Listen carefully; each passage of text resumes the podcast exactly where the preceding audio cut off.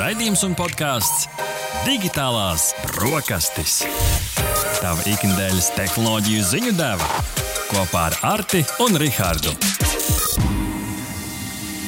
Labrīt, klausītāji! Jūs klausāties digitālās brokastis, jūsu ikdienas tehnoloģijas ziņu devu, kur runāsim gan par ikdienas aktualitātēm, globālām tendencēm, un arī šajā rītā par daudzām citām interesantām tehnoloģiskām lietām, tā skaitā arī par gadgetiem. Ar jums kopā, kā jau katru piekdienas rītu, ir digitālo brokastu šefpavārs Artis, un ar mani šorīt kopā ir cilvēks, kura pirmais mobilais vietu tālrunis, nevis vietā tālrunis, bet tālrunis bija Nokia 32. 2.0, kas tirgu tika iepazīstināts kā jautra ierīce ar LED gaismiņām sānos. Dāmas un kungi, tas ir neviens cits kā tehnoloģija pasaules Michelin degustētājs Rihards.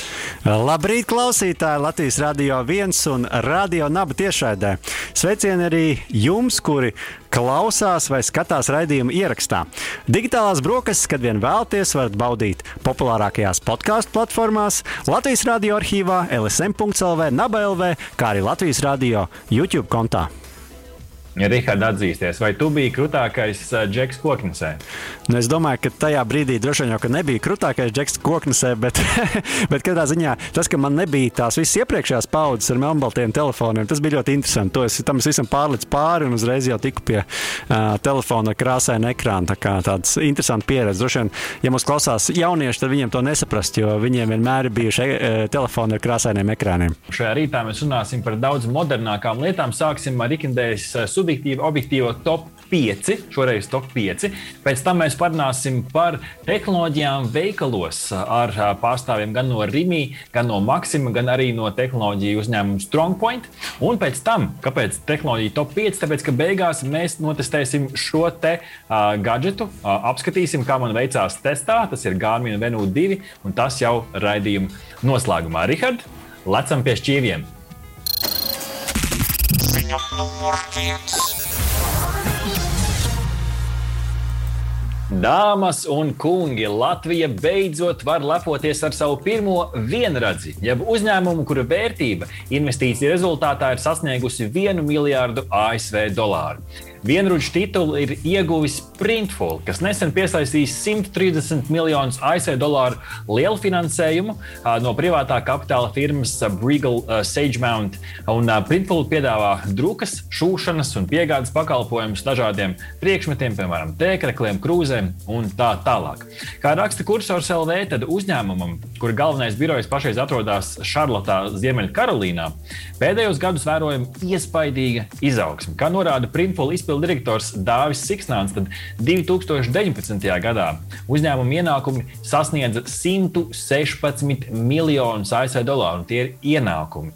Savukārt pandēmija biznesam patiesībā pat ir ļāvusi ar vēl lielāku atdevi attīstīties, kopējiem ieņēmumiem pieaugot gandrīz par 80%, pārsniedzot 200 miljonu ASV dolāru slieksni. Beidzot, Rihard, beidzot mums ir vienradzis. Jā, nu, ja iepriekš mēs par mūsu vienradzi saucām Krista Porziņu, kurš eh, ļoti veiksmīgi startējis ir NBA un, ja tā var izteikties, arī piesaistījis diezgan ievērojumu kapitālu uh, dēļ savām lieliskajām spēles prasmēm. Un vēlam viņam, protams, arī veiksmi, uh, kā saka, šajā izslēgšanas turnīrā, playoffs. Un nu, tagad mums ir arī uzņēmums, ar kuru mēs varam lepoties. Un, man liekas, mūsu kaimiņu valsts bija aizgājuši mums pa priekšu, kurām bija jau vienradži. Nu, tad arī tagad mēs esam piepildījušies tam pulkam un nu, ceram, ka, kā saka, hokeja maisam gals būs vaļā.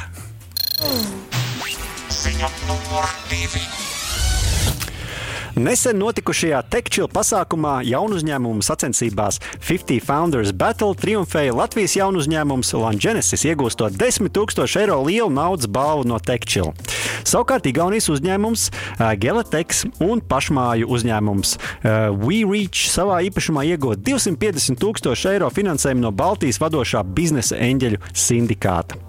Longenesis ir Latvijā un Hongkongā bāzēts digitālās veselības biznesa to biznesa, ja biznesa biznesam jaunu uzņēmums, kas piedāvā platformu biomedicīnas organizācijām ar mērķi pātrināt klīnisko pētījumu norises gaitu. Un Speciāli digitālajām brokastīm Emīls Jundikovs no Longenesis skaidro, ko uzvaras sacensībās nozīmē uzņēmuma tālākai attīstībai. Sveiki!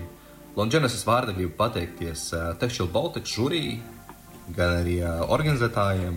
Protams, esam ļoti pagodināti un priecīgi saņemt uh, 50 Founders Battle, battle gal, galveno balvu.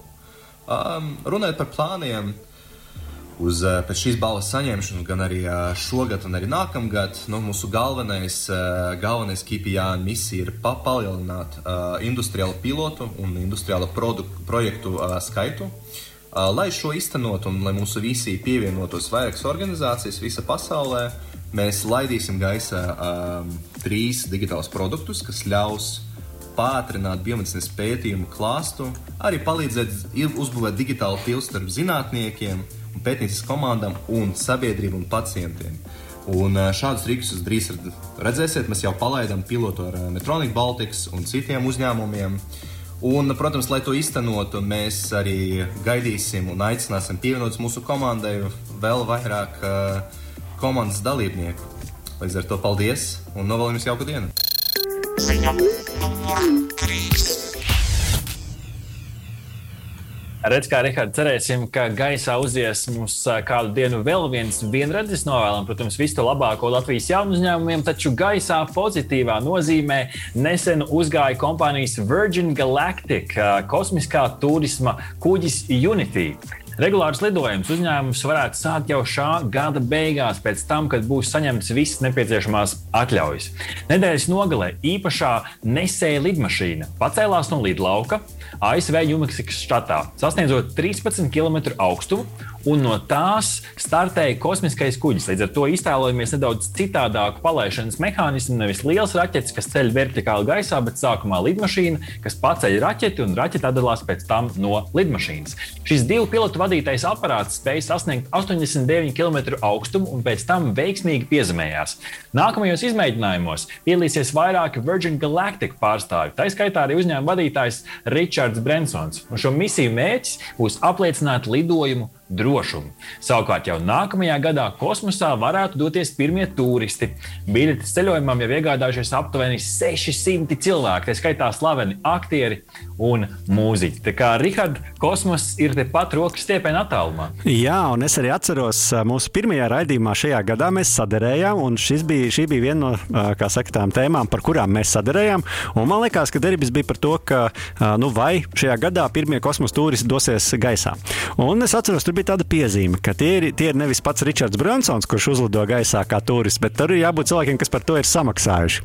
Tā kā nu redzēsim, vai līdz gada beigām, vai līdz gada beigām mēs paspēsim, paspēs šādi turisti arī rasties. Tā kā redzēs, kurš no mums būs prognozējis precīzāk. Ziņa numur 4. Pārmaiņas nākotnē piedzīvos elektroierīču savienojumu, jo USB-C, kas plašai, pašlaik pazīstams kā apaļais Android vats, nākotnē varēs pārraidīt 240 vatu lielu strāvu līdzinējos 100 vatu vietā. Šāds uzlabojums ļaus ar šī savienojuma palīdzību darbināt pat 4K monitorus, televizorus, printerus, jaudīgus sportīvos datorus un citas ierīces. Jaunie USB-C kabeļi tiks dēvēti par EPR, jeb Extended Power Range, paplašināts jaudas diapazons, un par to mums stāsta tekspot.com. Jaunajiem jaudīgajiem USB-C kabeļiem būs jāatbilst papildus prasībām, lai spētu strādāt ar papildu jaudu. Tā skaitā speciālisti rekomendē EPR kabeļiem izmantot kondensatorus, lai novērstu strāvas bojājumus, atvienojot tos no kontaktlīdzes. Kabeļi tiks īpaši marķēti, lai lietotāji tos varētu atpazīt, taču fiziski tie būs tādi paši kā līdzinējie USB-C savienojumi. Jāpiebilst, Rihard, skaidrības labad, ka jau dažiem portīviem datoriem šobrīd jau ir šis USB-C savienojums, bet tie, kā jau tu minēji, ir jaudās mazāki. Un šie portīvie datori, piemēram, spēļu datori, kuriem vajadzīga liela jauda, tā skaitā grafiskās kartes dēļ, tiem arī būs iespēja savienot ar šo USB-C. Un kāpēc mēs šo esam iekļāvuši digitālo, ziņu, digitālo brokastu ziņu topā? Tāpēc, ka patiesībā vienmēr ir bijusi kaut kāda tā cīņa starp kantaino Android, jeb veco Android vadu un šo apaļo Android vadu. Un tad beidzot varētu būt kaut kāds viens standarts arī Android pusē, jo, kā mēs labi zinām, tad Apple pusē telefoniem viens standarts, planšetēm un datoriem nedaudz cits standarts, bet tur vismaz starp telefoniem tā atšķirība nav nekāda. Tā kā cerams, drīz arī USB-C būs vienādi. Ziņa numur 5. Noslēdzošā ziņa digitālajās brokastīs no tehnoloģiju uzņēmuma Microsoft, kas ir paziņojis, ka pārtrauks tehnisko atbalstu interneta pārlūkam Internet Explorer līdz ar 2022. gada 15. jūniju. Rihards, gan arī vai klusuma brīdi gribās ieturēt, jo šī vecā pārlūka programma vairs nespēja nodrošināt visātrāko darbību, pakļaut vairāk drošības riskiem un nenodrošina modernu internetu pārlūkošanas pieredzi. Uzņēmumiem, kuru vietnes vēl ir būvētas balstoties uz Internet Explorer, vēl būs iespēja ar pārlūku programmu Microsoft Edge nodrošinātām atbalstu ar šo īpašo Internet Explorer mode, jeb versiju, jeb skatu. Lai jūs, darbie klausītāji un skatītāji, labāk saprastu, par cik lielu daļu mēs runājam, patiesībā šie Internet Explorer lietotāji pasaulē ir kļuvusi gaužām maži. Jo pēc statista.com datiem 2021. gada martā Chrome internetu pārlūku programmu izmantoja 64% aptuveni internetu lietotāju, Safari, jeb šo pārlūku programmu, kas ir Apple datoriem, 19%, Firefox 3,69%, tad jau ir Samsung, citsimāk, mobīlu ieroču ierīču pārlūks 3,2%. 27. Šis iepriekš minētais Edge, kas varētu būt tas mantinieks Internet Explorer, 3,45%, tad seko Opera, tad UC Browser un tad Internet Explorer ar 0,73%. Protams, uz visu lielo pasauli tie joprojām ir liels skaits ar iedzīvotājiem, taču uz kopējās bildes Internet Explorer Richard varētu teikt, ka ir aizvadījis savas pēdējās dienas. Jā, nu es domāju, ka arī Internet Explorer bijis garš un interesants mūžs, bet tagad gan jādod vieta jaunajiem. Tā kā mums šodien ir tikai tehnoloģija ziņu top 5, mums ir ātrais 6, 6 līdz 10 apkopojums, jebšu kas palika neuzcepts. Rihard, kas ir sastajā vietā? Tehnoloģiju milzis Amazon par 8,45 miljardiem ASV dolāru iegādājas filmu studiju MGM, kas pašlaik pazīstama ar tādiem grandiem kā James Bond un Rocky filmas. Numurs 7. viens no pirmajiem YouTube viral video - Charlie bit my finger, jeb ja, par Čārlī, kas iekod mazā brāļa pirkstiņā. Ar NFT palīdzību šis video pārdots par 760 tūkstošiem ASV dolāru, un pēc darījuma ir izņemts no publiskās YouTube vides. Šis pirmo reizi. Ziņa numur 8. ASV Finanšu ministrija ierosinājusi aplikt ar nodokli kriptovalūtu pārvedumus. Ziņa numur 9. Pirmais elektriskais Pope mobīlis, jeb šo pāvesta auto, būs Ocean SUV automašīna no uzņēmuma Fisker. Ziņa numur 10. Iepazīšanās platforma Tinder ieviesīs funkciju, kas pabrīdinās lietotāju pirms tas otram cilvēkam sūtīs kādu aizskarošu tekstu. Lūk, šāds ir mūsu rīts digitālajās brokastīs, bet jau pēc mirkļa ielūkosimies veikalu tehnoloģiju pasaulē. Kā veikalos tehnoloģijas palīdz labāk nodrošināt mūsdienu augošās pircēju vajadzības? Palieciet kopā ar mums! Hmm. Ko liksim uz kārā zoba? Digitālo brokastu Saldais ēdiens. Labrīt, klausītāji! Sveicam jūs atpakaļ pie digitālo brokastu galda. Un jā, mums priekšā saldais ēdiens. Iepirkšanās ir mūsu ikdienas sastāvdaļa. Tāpat kā, daudz cits, tāpat kā daudzās citās jomās, arī šajā ienāk jaunās tehnoloģijas. Pašapkalpošanās kases un skeneri, bezkontakta autentifikācija un norēķini, mobilās lietotnes un mākslīgais intelekts. Citās valstīs pieejami arī pilnībā automatizēti veikali bez pārdevēja vai kasiera. Kādi jauni risinājumi pieejami Latvijā un kādus varam sagaidīt tuvākajā nākotnē? Par to visu jautāsim mūsu šīs dienas viesiem. Un ar mums kopā šodien ir Liene Perija, Rimija Latvija digitālās attīstības direktore. Labrīt! Labrīt! Ar mums kopā arī Gundega Laugala, Maksima Latvijas mārketinga departamenta direktore. Labrīt, Gundega! Labrīt! Un arī Uģis Začs, SIA uh, Strongpoint klientu servisa vadītājs. Labrīt, Uģi! Labs rīts! Ķeramies klāt arī pie intervijas. Mēs uztaisījām nelielu, noteikti nereprezentatīvu, bet aptauju LSM Instagram kontā, kur mēs prasījām vienkārši jautājumu LSM Instagram konta sekotājiem šajos LSM story aptaujās. Mēs prasījām jautājumu, iepērkoties pārtikas veikalos, vai tu drīzāk norēķinies pie kasiera, vai arī pašapkalpošanās kasē, vai ar skeneru, kādas šīs iespējas bez kasiera. Un tur mums 33% atzīmēja, ka pie kasiera 77% jau ar pašapkalpošanās dažādiem nu, mūsdien, mūsdienās pieejamiem veidiem. Šis ir interesants rezultāts. Es nezinu, vai sakrīt ar, ar jūsu redzējumu, bet varbūt sāksim ar mūsu abu veikalu tīkla ķēžu pārstāvēm.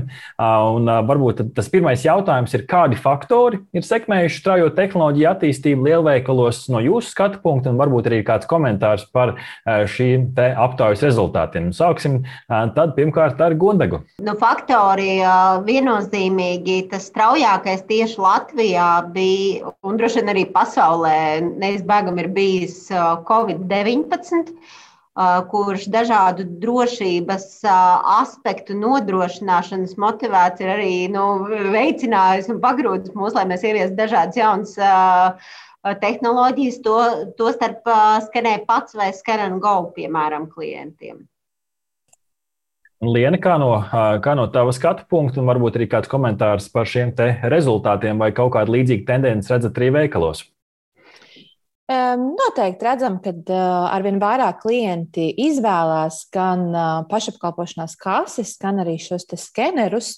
Un, manuprāt, viens no mudinājumiem ir jā, šī klientu nepieciešamība strau, mūsu straujā dzīves ritma palielināšanās dēļ arī efektivizēt savu iepirkšanos, darīt to ātrāk un darīt varbūt to veidā, kā, kad viņiem pašiem ir vieglāk kontrolēt. Tāpēc gan šis te straujais dzīves ritma pieaugums un noteikti pēdējā gada laikā Covid ir arī sekmējis šo te tehnoloģiju izmantošanu. Uh, jā, jautāšu Uģim. Nesen Strongpoint publicēja savu pētījumu par iepirkšanās kultūru Baltijā rezultātus, kur atklājās, ka Latvijas iedzīvotāji kūtrāk izmanto tehnoloģijas, un uh, visatvērtākie tehnoloģijām pēc paša vērtējuma ir Igauni - 46%, un tad lietuvieši, un tikai tad mēs - 38% latvieši, uh, 38% latvieši. Kādā, kāds ir tavs vērtējums? Uh, vai tās ir vienkārši nebūtiskas procentuālas atšķirības, vai tomēr tas ir realitātes atspūgs? Es um, domāju, vairāk, ka tas, ir, nu, tas arī parāda tieši jauno risinājumu vēlmi. Vēlmi tieši pēc jaunā, jaunā kaut kā jaunā, kaut kas, kas nebijis. Ja? Uh, tas atspoguļo, manuprāt, tieši šo aspektu, uh, bet kas ir, uh, manuprāt, kur mēs esam varētu būt priekšā Baltijai. Tas ir tas, ka, ja mēs izvēlamies kaut ko darīt, piemēram, pašapkalpošanas risinājumu, eh, tad mēs arī pārējām tādā pamatīgā, bet pakāpeniskā, bet pamatīgā solī pārējām uz šiem risinājumiem. Eh, mēs esam eh, nu, gadu pavadījuši tādā attālinātā režīmā. Kādi jauni tehnoloģiski risinājumi Latvijā ieviest pēdējā gada laikā, lai pilnveidot iespēju iegādāties pārtikas un sadzīves preces attālināti?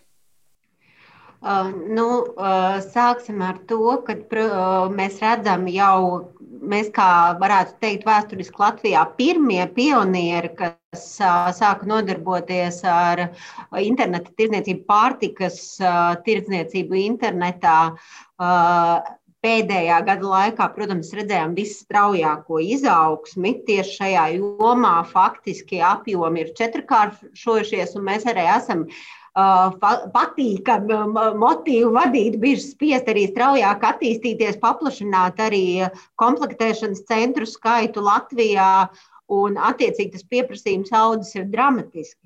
Um, mēs tāpat esam domājuši par to, kā paplašināt mūsu piegādes, piegāžu teritoriju, lai izietu ārpus Rīgas teritorijas un arī uh, varētu piegādāt ārpus Rīgas iedzīvotājiem šīs preces. Kā, nu, tas viennozīmīgi viss ir pēdējā gada laika sasniegums.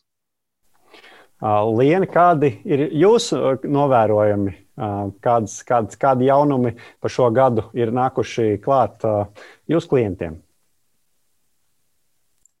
Um, jā, noteikti varam atzīmēt arī Rīgā e-veikala paplašināšanos un, un uh, ieviešanu ne tikai mājas piegāžu, bet arī patiesībā Covid laikā ļoti populāro šos Rīgā drive, uh, kur klienti bez kontakta arī uh, var saņemt savus uh, preces uh, pie mūsu veikaliem.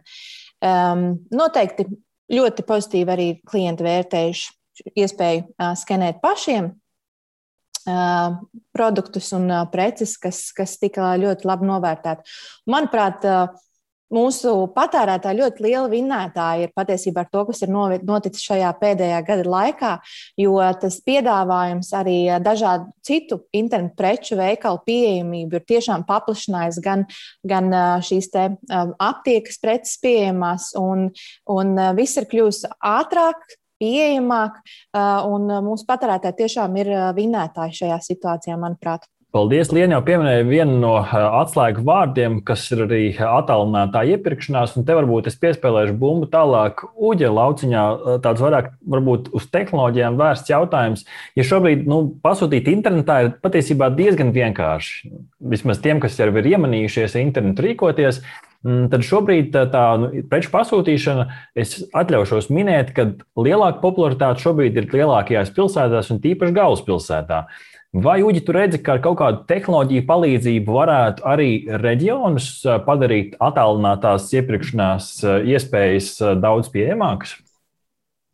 Ja skatāmies tieši par šo iepirkšanos e-vidē, tad tas, kas ir panākts, jā, tad patērētājiem, tam gala patērētājiem ir ļoti ērts un tāds um, patīkams, viegls. Nu, teiksim, nekāda sarežģījuma nav pasūtīt. Bet īstenībā to, ko daudz varbūt nezina, apakšā ir ļoti, ļoti liela tehnoloģiskā bāze, kā tas viss tiek organizēts. Ja? Un uh, te, te nu sākās tieši arī mūsu lauciņš, um, ko mēs arī esam ieviesuši, un arī pie mums nāk daudzi mm, klienti ar dažādām domām, idejām, kā to var ieviest. Tā tehnoloģija bāze ir apakšā eh, gan sākot no tā, ka tās preces ir jāatlasa pareizās preces, pareizā apjomā, cik operatīvi tas, tas viss veido produktivitāti, cik ātri šie pikeri vai lasītāji to spēj atrast. Tālāk, kā tas nonāk līdz gala patērētājiem, ātrākiem maršrutu, maršrutu plānošanu, tās, tās, tās tehnoloģijas ir ļoti, ļoti nu, teiksim, plašas iespējas. Ir, ja? Un tad es redzu, ka pakāpeniski arī tas viss attīstās. Un tā ir viena no tādām iespējams unikālākām lietām, kas vēl Latvijā nav, tie ir tie saucamie pārtikumāti, ja, tātad pārtikas pakumāti. Tas ir arī projekts, pie kā mēs strādājam. Mēs esam veiksmīgi uzsākuši Igaunijā šo projektu un skatāmies, ka nu, tuvākā nākotnē mēģināsim arī Latvijā ieviest šo pakumātu. Princips tāds, ka varētu šos attālākās vietās no Rīgas aizvest, un cilvēka ērtā laikā viņš var viņu izņemt. Ja? Tad kaut kādos uh, mazākās pilsētās, centrā nolikt, un cilvēks var izņemt, braucot no darba, no savām lietām. Jā, varbūt uzreiz tāds precizējošs jautājums. Tehnoloģija mums būtu pārtikumāta, man patīk šis vārds, ļoti no vienas puses ir latvisks. Gundaga, vai jūs redzētu no sava skatu punkta, ka ikdienā šis varētu strādāt?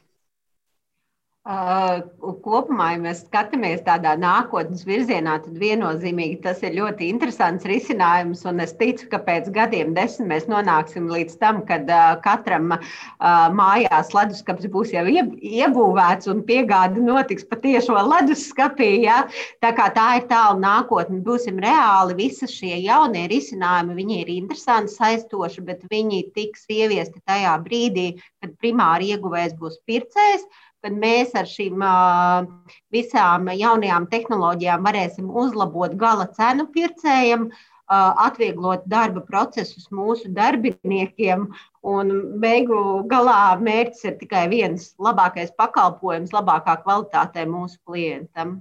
Mhm. Liena, varbūt no savas skatu punkta redzi kaut kādus galvenos izaicinājumus, kas šādu nu, pārtikumātu ieviešanu varētu šobrīd vismaz padarīt izaicinošu tādiem cilvēkiem kā Uģis un viņa kolēģiem. Jā, noteikti ir, ir, ir šie plusi un mīnus šai te tehnoloģijai. Un, ja mēs runājam par izaicinājumiem, šī izaicinājuma ir tas, ka pārtiks preču tirzniecība pieprasa šīs dažādas temperatūras zonas. Un uh, nereti arī pārtiks preču uh, veikalos cilvēki iedā, iegādājas kādas preces, kas ir lielāka izmēra, kaut lielie iepakojumi, tolis papīriem, un, un šie te ir izaicinājumi šiem pakumātiem. Arī tas, ka varbūt ziedus tu nepiegādās caur pakumātu, varbūt gluži. Un, un tas limitē klientam varbūt sortimentu vai, vai vai to, ko viņš var iegādāties, lai tiktu piegādāts uz šiem te pakomātiem. Bet, protams, tehnoloģijas virzīsies noteikti uz priekšu. Es ticu, ka tiks rasti jauni risinājumi, un, un šī ir arī viena no lietām, kas attīstīsies. Um, un, redzam arī, ka Igaunijā tieši vairāk ir šis attīstīts. Un, uh, Skatīsimies, kā attīstīsies, attīstīsies tehnoloģijas un klientu vēlmes pats uh, svarīgākais, jo, jo klientiem ir jādod iespēja fleksibilitāti un, un iegādāties tās preces, ko viņi vēlas.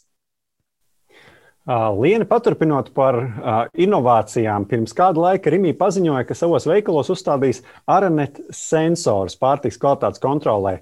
Nu, kādi ir pirmie rezultāti, secinājumi un nākotnes plāni sensora, sensoru izmantošanai veikalos? Jā, mēs esam ieviesuši vairāk kā 6000 sensorus visos Rīgā Latvijas veikalos, kas monitorē leduskapju un saldētāju temperatūras. Šis patiesībā ir viens no projektiem, kur mēs sadarbojamies ar partneriem, lai radītu jaunu, labu produktu industrijā un, un līdzdarbojamies izstrādē, dalāmies ar savām zināšanām, lai attīstītu šo produktu. Un, um, jāatzīst, ka projekta rezultātu analīze un, un pētniecība vēl ir procesā. Noteikti, kad zināsim vairāk un būsim veikuši savus secinājumus, ar tiem padalīsimies. Bet sensori kā tehnoloģija, eh, tehnoloģija ir ļoti plašs potenciāls. Mēs arī izmantojam pašlaik dažādus sensorus, lai novērtētu gaisa kvalitāti un, un, un, un CO2 arī daudzumu, kas arī patiesībā ir bijis diezgan uh, svarīgs jautājums Covid laikā, lai, lai pārliecinātos, ka uh, gaisa kvalitāte uh, veikalos ir laba un, un, uh, un uh, iepirkšanās ir droša mūsu klientiem. Um, Gundega savukārt uh, Maksima uh, ir ieviesusi pilnībā digitalizētas preču zīmes vairākos veikalos. Nu, kāda ir cilvēka atsaucība vai sensori vai seniori uh, nesūdzas, ka nevar izņemt lapiņu no cenu lentes un paskatīties uh, tuvāk? Nu, kādi ir pirmie secinājumi ieviešot šādas te, uh, digitālas cenu zīmes? Pirmie secinājumi patiesībā absolūti neesam saņēmuši nevienu sūdzību par, par to, ka nevarētu saskatīt. Es gribētu teikt, ka ieguvēji ir visi. Uh, primāri resursi, ko mēs ietaupām uz cenu zīmju maiņu, un cenu zīmes mēs mainām veikalā ļoti bieži.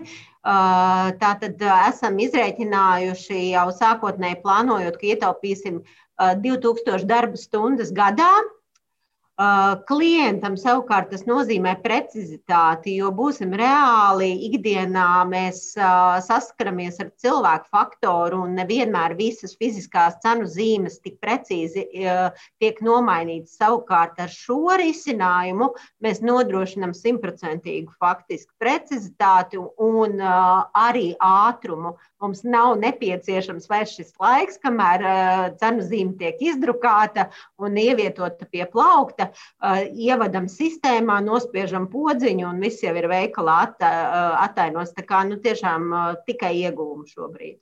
Pirms kāda laika Strongpoint paziņoja, ka investē humanoīdu robotu attīstīšanai, kas palīdzēs veikt darbu mazumtirdzniecībā. Cik tālu esat ar šo un kad sagaidīsim pirmo robotu plauktu kārtotāju? Tātad aktīvi strādājam pie šī projekta, kas arī mums liels izaicinājums un kopēji varētu mainīt paradumus, tendences, kas notiek mazumtirdzniecībā. Darbs ir aktīvs, daudz, daudz visādu lietu notiek ap to, bet nu, tas plāns vēl joprojām ir 2023. gadā uzsākt masveida ražošanu. Pagaidām pie šī, pie šī plāna arī pieturamies un ejam uz priekšu. Mēs šeit konkrēti runājam par robotiem, kas liktu preces plauktos un kārtot tās tādā veidā.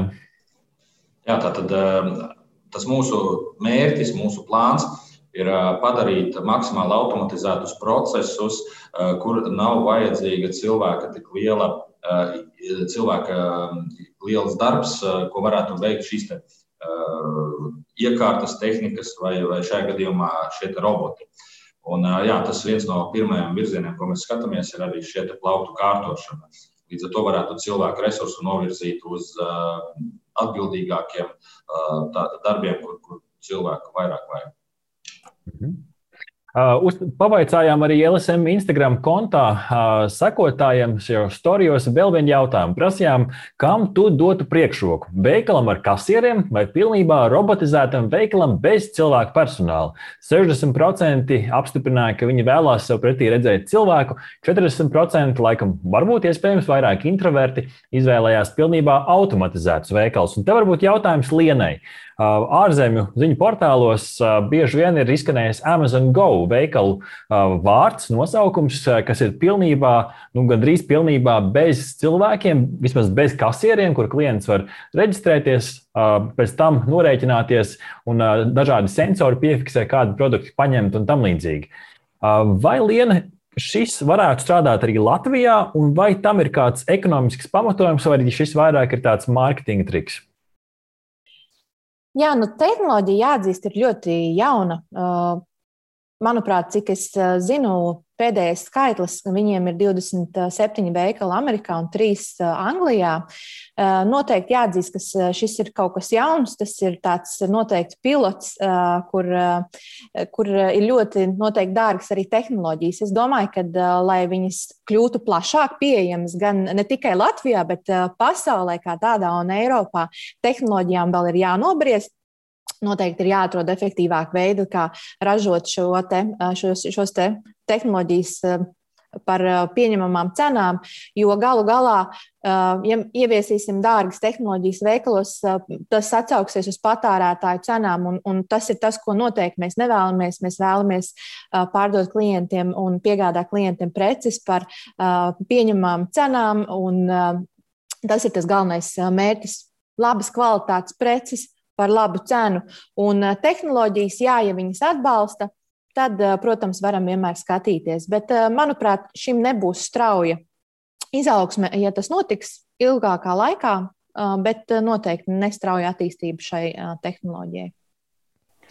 Gundega, Amazon piedāvā arī gudros iepirkumu ratus, kas automātiski skenē un sver preces. Nu, vai šādas tehnoloģijas varētu Latvijā parādīties, piemēram, tuvāko divu gadu laikā?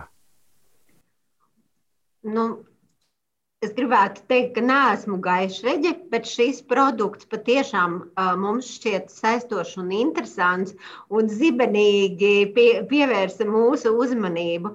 Te gan uh, negribu atkārtoties, bet stāsts ir atkal par to pašu, par izmaksām. Uh, efektivitāti, bet produktu patiešām līdz ko viņš būs pieejams par atbilstošām izmaksām, un mēs sapratīsim, ka klients no tā būs ieguvējis viennozīmīgi.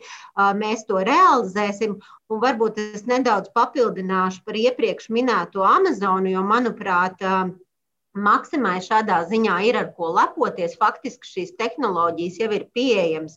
Ja mēs skatāmies, tad uh, Maksimas 3X veikals Akropolē jau šodien ir aprīkots ar identisku tehnoloģiju, lai absolūti viss pirkums bez kasiera klātbūtnes varētu noritēt.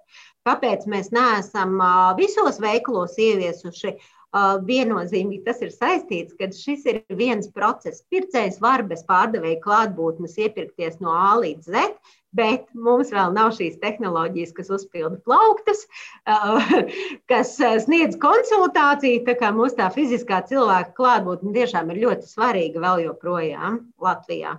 Ieskatāmies vēl arī tālākā nākotnē. Uģi, kādas ir nākotnes tendences veikalu tehnoloģijās un, un ko mēs varam sagaidīt teiksim, tuvākajos divos, piecos gados? Kas varētu būt tie jaunumi, ko patērētājs iegūst, ierauga šajā laika periodā? Jā, tad, tad es arī mazliet papildināšu kolēģus ar, ar šiem Amazon stāstiem. Principā arī tas, ko mēs pētām tirgu, vispār tendences, arī Ķīnā šis paliek ar vien populārāks un populārāks risinājums. Un šeit arī ne tikai jāskatās uz lieliem pārtiks veikaliem, varu atklāt mazu noslēpumu, ka arī Latvijā ir jau bijuši mēģinājumi nelieliem tirgotājiem pilnībā automatizēt savu biznesu. Ja? Un tas arī ir izstrādes procesā. Es domāju, ka tuvākā, es pat teiktu, šī gada laikā mēs saskarsimies ar kaut kādu pirmo no uzņēmumiem, kas atvērs pilnīgi automatizēto savu pārdošanas punktu. Ja? Tātad tas ir noteikti viens virziens, kur iet. Tāpat tās šie viedie rati, ja, kas, kas arī ir mūsu teiksim, portfolijā vai mūsu piedāvātā sortimentā, ar ko mēs arī uzsākām sadarbību. Tad šie viedie rati, kas varētu ienākt tirgu tuvāko pāris gadu laikā, jo tur ir nu, praktiski tu veic visu šo procesu. Nu, tev ir mobila iekārta, eh, kas var gan nosvērt, gan noskanēt, izlasīt, ap, eh, izlasīt aprakstu par viņu, visus tur eh, vitamīnus vai kas tur iekšā ir saturu.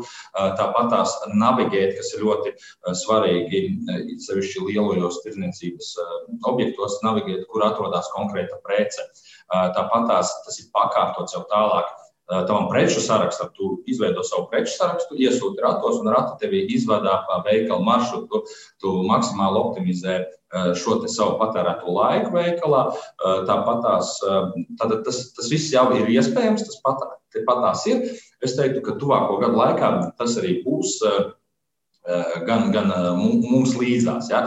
Un te ir gan stāsts par šo te būt pirmajam. Viena no lietām, ja, kas arī ne, bieži vien uzņēmumiem ir svarīgi, pieaicināt, piesaistīt cilvēkus ar savu inovatīvitāti. Tāpat tās varam redzēt, ka kaut kur kaut kas jauns parādās, uzreiz nāk cilvēki, uzreiz interesi kaut kāda veidojās. Un tāpat tās arī cilvēkiem, kad jau šis sistēma nostabilizējās, ieiet, tad, tad, tad arī viņi ir ērtāk un efektīvāk. Kaut arī to pašu pašapkalpošanās kasi. Ja? Īstenībā pašapkalpošanās kases pirmais projekts mums laikam 2008. gadā bija. Tas ir diezgan liels periods atpakaļ, un tad viņš neaizgāja. Vai mēs nebijām gatavi, vai, vai kaut kas varbūt nebija tā, kā vajag, nebija īstā vieta un īstais laiks. Bet, ja mēs skatāmies tagad, nu, nevar iedomāties lielos veikalos par šīm pašapkalpošanās risinājumiem. Un, teiksim, mēs praktiski pēdējos gados tikai izmantoju šos pašapkalpošanās risinājumus. Rindas ir mazākas, kas man ļoti patīk. Ja? Tāpēc es arī optimāli ātri apmaksāju, bet sevišķi tur tās kaut kādas mazas preces, ātrais pirkums. Tā kā Jā. noteikti tas, un tad vēl mazliet papildināt, tad arī šie skāpji varētu būt Jā. tas, kas arī ienāks. Skaidrs. Uh, nu, galvenais secinājums ir tas, ka Latvijas mazumtirgotāji ļoti efektīvi izmanto tehnoloģijas sniegtās priekšrocības, un ieguvējs, protams, ir pircējs. Un tāpēc ar nepacietību gaidām nu, visas tās inovācijas, arī par kurām stāstīja Uģis. Un, protams, arī ļoti priecājamies par tām visām lietām, kas ir ienākušas jau mūsu ikdienā. Uh, un tāpēc uh, liels paldies mūsu šodienas sarunu biedriem. Uh, Lienu Periju, Rimija Latvijas digitālās attīstības direktore, Gundega Laugala, Maksima Latvijas mārketinga departamenta direktore un arī Uģis Začs, SIA Strongpoint klientu servisa vadītājs. Paldies jums par uh, interviju un uh, tiešām nu, tiekamies veikalos. Bet jau pēc neilga brītiņa mēs apskatīsim vēl vienu tehnoloģiju, kas ir gadgets, šis vietpulkstenis no Garmin. Tas jau pēc pavisam neilga brīža. Palieciet kopā ar mums! Laiks palutināt savas tehnoloģiju garšas kārpiņas ar ko īpašu. Saimnieks! And ma z. Sabiedrība iedalīta divās daļās. Tie, kur ir uzticīgi mehānisko rokas pulksteņa cienītāji, un tie, kuri savu roku apvija ar sensoru pildītu mini-datoru jeb viedpulksteni. Viedpulksteņi ir dažādi gan pēc funkcijām, gan pēc formas, gan pēc stila. Apple, Samsung, Huawei, Garmin ir iespējams pamanāmākie Latvijas tirgus spēlētāji viedpulksteņa tirgū. Konkurence, protams, ir laba, jo tā veicina izaugsmu un ieguvējs beigu beigās ir pircējs. Ar ko mums Rihards šoreiz cenšas pārsteigt Garmin? Ar šo te Garmin Venu 2 viedpulksteni. Gan iepriecināšanās, gan uzlabojamās lietas centīsimies jums atklāt šajā Garmin Venu 2 viedpulksteņa apskatā. Un jāpiebilst, ka viedpulksteni mums neatkarīgam un neatmaksātam testam piešķīra Garmin Latvija. Rihards, vai tu esi gatavs? Jā, absolūti. Un, nu, Arti, tiešām Kāds tas bija tests un kā tev veicās ar šo te Venu 2 pulksteni? Tā kā mēs esam tehnoloģija dzīves stila raidījums, tad es patiesībā pakļauju šo pulksteni diezgan ikdienišķiem testiem. Izmantojot gan sportojot, gan ikdienā, izmantojot gandrīz teju visas tās fun tā funkcionalitātes. Sāksim gan ar izskatu un korpusu. Pats vietpulkstenis ir pieturējies pie apaļās ciparnīcas. Vienu brīdi viņi eksperimentēja ar šo kvadrātveidu ciparnīcu. Tumši zilgan pelēks korpus, viegls 44 mm nerausējušā tērauda rāmis, tātad diezgan izturīgs arī aktīvā dzīvesveida piekritējiem. Navigācijas pogas novietotas labajā pusē. Tikai divas palikušas. Agrāk vietpunktsņiem bija vairāk, tagad divas.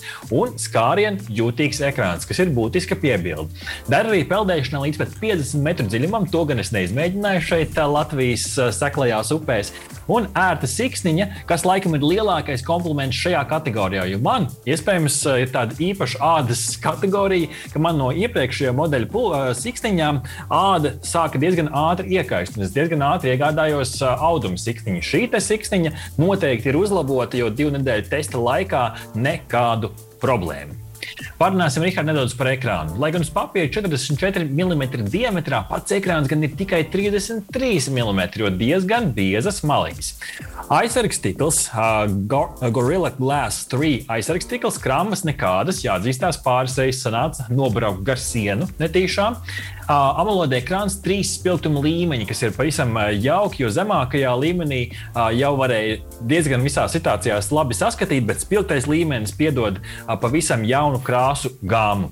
Salīdzinot ar citiem Garmin modeļiem, ir augsts pikseli līmenis, kas cilvēku valodā nozīmē to, ka uz šī mazā, mazā ekrāniņa varēs saskatīt dažne dažādus um, smalkos datu grafikus, kas šeit netrūks noteikti.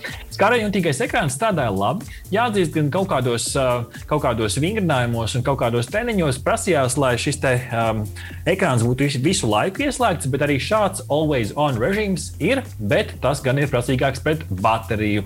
Kopumā kontrolēm var piešauties ātri, tā kā kompliments šajā kategorijā ir par labu user interfeisu, jeb lietotāju saskārni. Svarīga kategorija Richard, ir baterija. Cik ilgi turēja? Nu, bez uzlādes um, es izdzīvoju nu, tādā ikdienas režīmā, sportojot gandrīz vai katru dienu.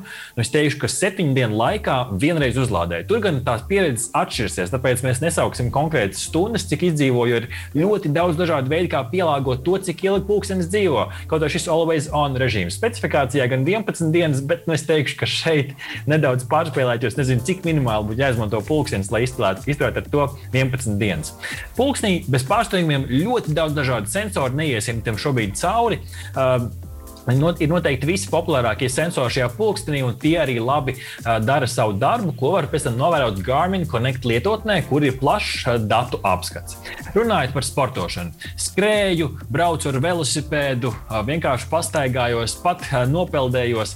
Tādā ziņā pulkstenis labi kalpo. Ļoti daudz dažādi jau gatavi treniņu varianti, 70 dažādi treniņi, pat vairāk par 70, kur šajā mazajā ekrāniņā ir pat iekšā treneris, kas rāda, kas ir jādara. Ļoti precīzi GPS, pilnīgi noteikti.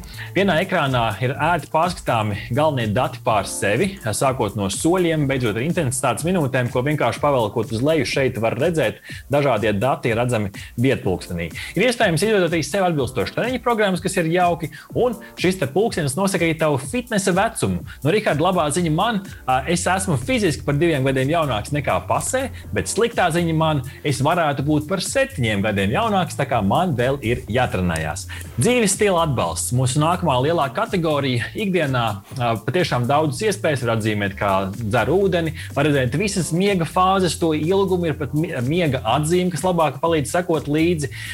Tad arī lietotnē var salīdzināt datus ilgākā laika periodā.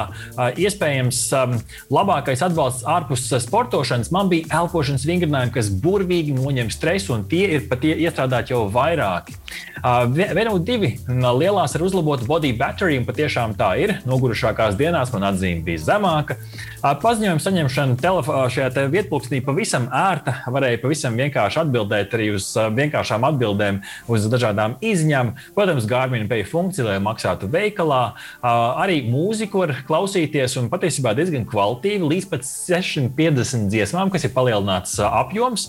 Tas, ko gan es nevarēju notestēt objektīvu apsvērumu dēļ, ir sieviešu menstruālo ciklu un grūtniecības funkcijas. Bet arī tās tur ir, ja tās gribās piefiksēt, sekot līdzi caur pulksteni.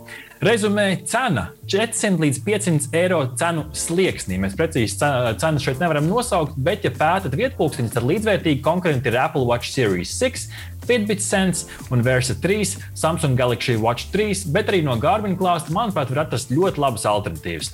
Lielais rezumē. Divās nedēļās nevarēja notestēt pilnīgi visas funkcijas. Kopumā elegants pulkstenis, kas labi iedarās ne tikai pie sporta tērpa, bet arī pie uzvalka. Izcils pulkstenis tiem, kas piekopja aktīvu dzīvesveidu, nodarbojas ar dažādām sportiskām aktivitātēm un ir būtiski redzēt daudz un dažādus datus, ko pēc tam liek lietā savu dzīvesveidu uzlabošanai. Tiem, kuri sportā sporto reti un nav nepieciešams liels klāsts ar aktivitātēm, kuras var nomērīt, kā arī tiem, kuriem ir neliels budžets, ir vērts apskatīt konkurentus. Lūk, tāds apskats, Rihards, par Garmin Venu 2. Paldies, Arta. Man liekas, tev izdevās tiešām ļoti kompakti izstāstīt par Garmin Venu 2. Un klausītāji, ja jums patīk tas, ko Artis teica, tad apsveriet šo iespēju. Protams, Artis pieminēja arī daudz citas modeļus un arī citas, citu ražotāju veidotas kā apsveriet arī tos un tad salīdziniet un izdariet vislabāko izvēli. Kas, Rihards, mums sagaida nākamajā nedēļā? Klausītāji, esiet kopā ar mums arī pēc nedēļas, kad kā ierasts iepazīstināsim jūs ar tehnoloģiju jaunumiem, kā arī runāsim par tehnoloģiju lietojumu sportā. Paldies, ka mielojaties šajā rītā kopā ar mums. Mūzikas editors Girts Bišs, pie režijas pults Arnolds Zauziņš, raidījumu veidoja radionāba autori Artis Ozoliņš un Rihards Blese speciāli Latvijas Radio 1. Tu klausījies digitālās brokastis. Katru piekdienu no 10 līdz 11. Arī podkāstu formātā, populārākajās platformās. Digitālās brokastis. Tava ikdienas tehnoloģiju ziņu deva.